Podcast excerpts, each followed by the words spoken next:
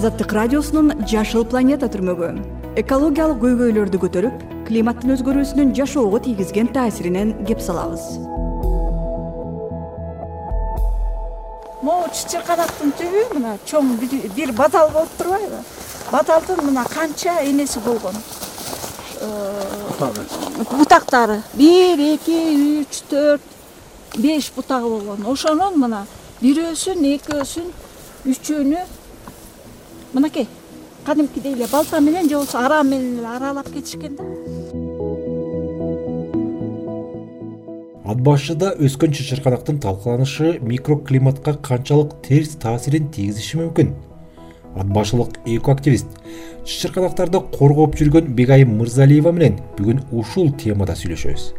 Сиз азаттыктын жашыл планета подкастын уга баштадыңыз. Менин аты жөнүм мирлан кадыров бул э, бадалды чычырканакты мисалы үчүн э, мен элдерге айтканда мындай айтышат да аны кыйган сайын көбөйөт депчи. Ушундай түшүнүктөр бар экен да кыйган сайын андай эмес да мындай илимдин илимдин деңгээлинде айтканда ошо жоңгоюш керек. алтымыш эки жаштагы бегайым мырзалиева айыл элин жаратылышты коргоого үндөп жүргөн экоактивист мынтип сайдын жээгинде жыш өскөн чычырканакты талкалагандар тыйылбай анын айынан микроклимат жабыркап жатканына жаны ачыйт баласын эчиткен бир аял эле кыйбаттыр анан аябай тиги телефонду кандалып алып тартайын урушайын деп келатсам эле бир эжекен. Мен тааныган улуу эжекен. Аябай мындай айылга таанымал эжекен анан тартып алган жокмун. Тартып анан бирок айттым эже эми болбойт. Мынтип кыйбаңыз мынтип күйүп албайсызбы десем ал эже баягы ошо дары чөптөр менен элди дарылап жүргөн. Эже болчу ушул убактагы мөмөсү жакшы дарычылык экен деп кыйып атам деп плоскоутсу менен мынтип кыйып чакасына салып алып алып келип атып анан коюңуз эже болбойт жүрүңүз деп анан. Тиги эмеге алып кирип алып контейнерге алып кирип алып баягы түшүндүрүү иштерин жүргүздүм уялып калдыбы эми ал эже деле мындай түшүндү го. Анткени баягы мурунку кишилер да мурунку поколениядан түшүнүп кичине ооба деп. Ошол. Каарманыбыздын кесиби физика мугалими. Өзү ушул ат башынын ачык айыңды айылында туулуп өсүп ысык көлгө турмушка чыккан. Көп жылдар бою караколдогу ысык көл университетинде окутуучу болуп эмгектенип анан эс алууга чыккан. Кийин эл аралык уюмдар менен иштешип өзүнүн бала чагы өткөн айылды атайын долбоорго киргизген ушундай эки активист болуп эл жериңдин э, баягы э, көйгөйлөрүн чечүүгө мындай кайдыгер карабасаң э, бул донорлор деле өзүлөрү мындай артыңдан өзүң эми аракет кыласың бирок артыңдан ээрчип келет экен. Ошон үчүн ушундай каржылоо жок акча жок деп отура бербей өзүң эле ошо аймагыңда тегерегиңде ушундай бир идеяларды инициативаларды көтөрүп чыксаң каржылоо сөзсүз болот. Жашыл планета. Жашыл планета. Бегимай мырзалиева ачык айыңды айылынын үстүндөгү сайды бойлой салынган жерде жашагандардын башын бириктирип активисттердин тобун түзгөн. Алардын башкы милдети токойду коргоо ушундай активисттердин бири перизат чомошованы кепке тарттык. Биз эки миң биринчи жылдан бери келип жашайбыз. Ушул жака көчүп келгенбиз ошондон ошол убактарда мындай биртке эле болчу да мындай эме кылып элечи анан кышкысын орто жолдон отунга кыйып кетип ашын күйүп кеткендер аябай көп болчу. Анан ушул проект менен эме кылдык. Ушунун баары чычыркада экен э бугалардын баары тез мындай. Өйдө жака чейин мындай кетет. Сай ичи деп коет буну ошо жайыт жерлер сайдын ичи бүт чычырканак биздин карамагыбызда э, келип э, кыйгандарды карайбыз. Күнбү түнбү кайсыл убак болсо деле карап коруйбуз. Э, мурун бирке кыйып кетип отунга алып кеткендер көп болуп бирке азая түшкөн. Анан ушу биз коругандан баштап кайра өсүп ушинтип эме кылып бирке мынтип көбөйүп келатат чычырканак тикендүү өсүмдүк. Мөмөсү е с в витаминдерине органикалык кислоталарга бай. Мөмөсүн кеч күздө суук түшө баштаганда чогултушат чычырканак майы ичеги карын ооруларына күйүктү үшүктү дарылоодо миңдин бири деп саналат. Ушул тапта анын баасы да баркы да өскөн. Бир килограммы ат башыда эки жүз үч жүз сомдон сатылса бишкекте беш жүз сомго чыгат. Эко активисттер жергиликтүү элдин чычырганакты балталап унаага жүктөп кеткенин кабатыр. Алар тикендүү бутактарынан мөмөнү ажыратып шагын болсо отун кылышат мырзалиева токойду аеосуз талкалабай эле чычырганакты огородко өстүрүп пайда тапса болоорун айылдыктарга түшүндүрүүнүн аракетинде. Эко активист эл аралык уюмдардын жардамы менен кыштакы алтай сортундагы чычырканактын кеминде миң көчөтүн алып келген. Азыр аны ондой үй бүлө өстүрүп жатат. Алардын бири ачык айыңды айылынын тургуну жолдошбек субанов. Мына бул чычырганактын э, эч кандай тикенеги жок экен э, мындай тикенеги жок экен да мына көрүп атасыздар бул э, үч жылдан кийин түшүмдүүлүгүн берет деп атат. Бул чычырганактын берки чычырганактан айырмасы мунун мөмөсүнүн чоңдугу менен айырмаланат экен. Анан тикенеги жок мунун. Түшүмү көп болот экен. Анан бул нерсени деле? Мына буякта жапайы чычырганактар болуп атат.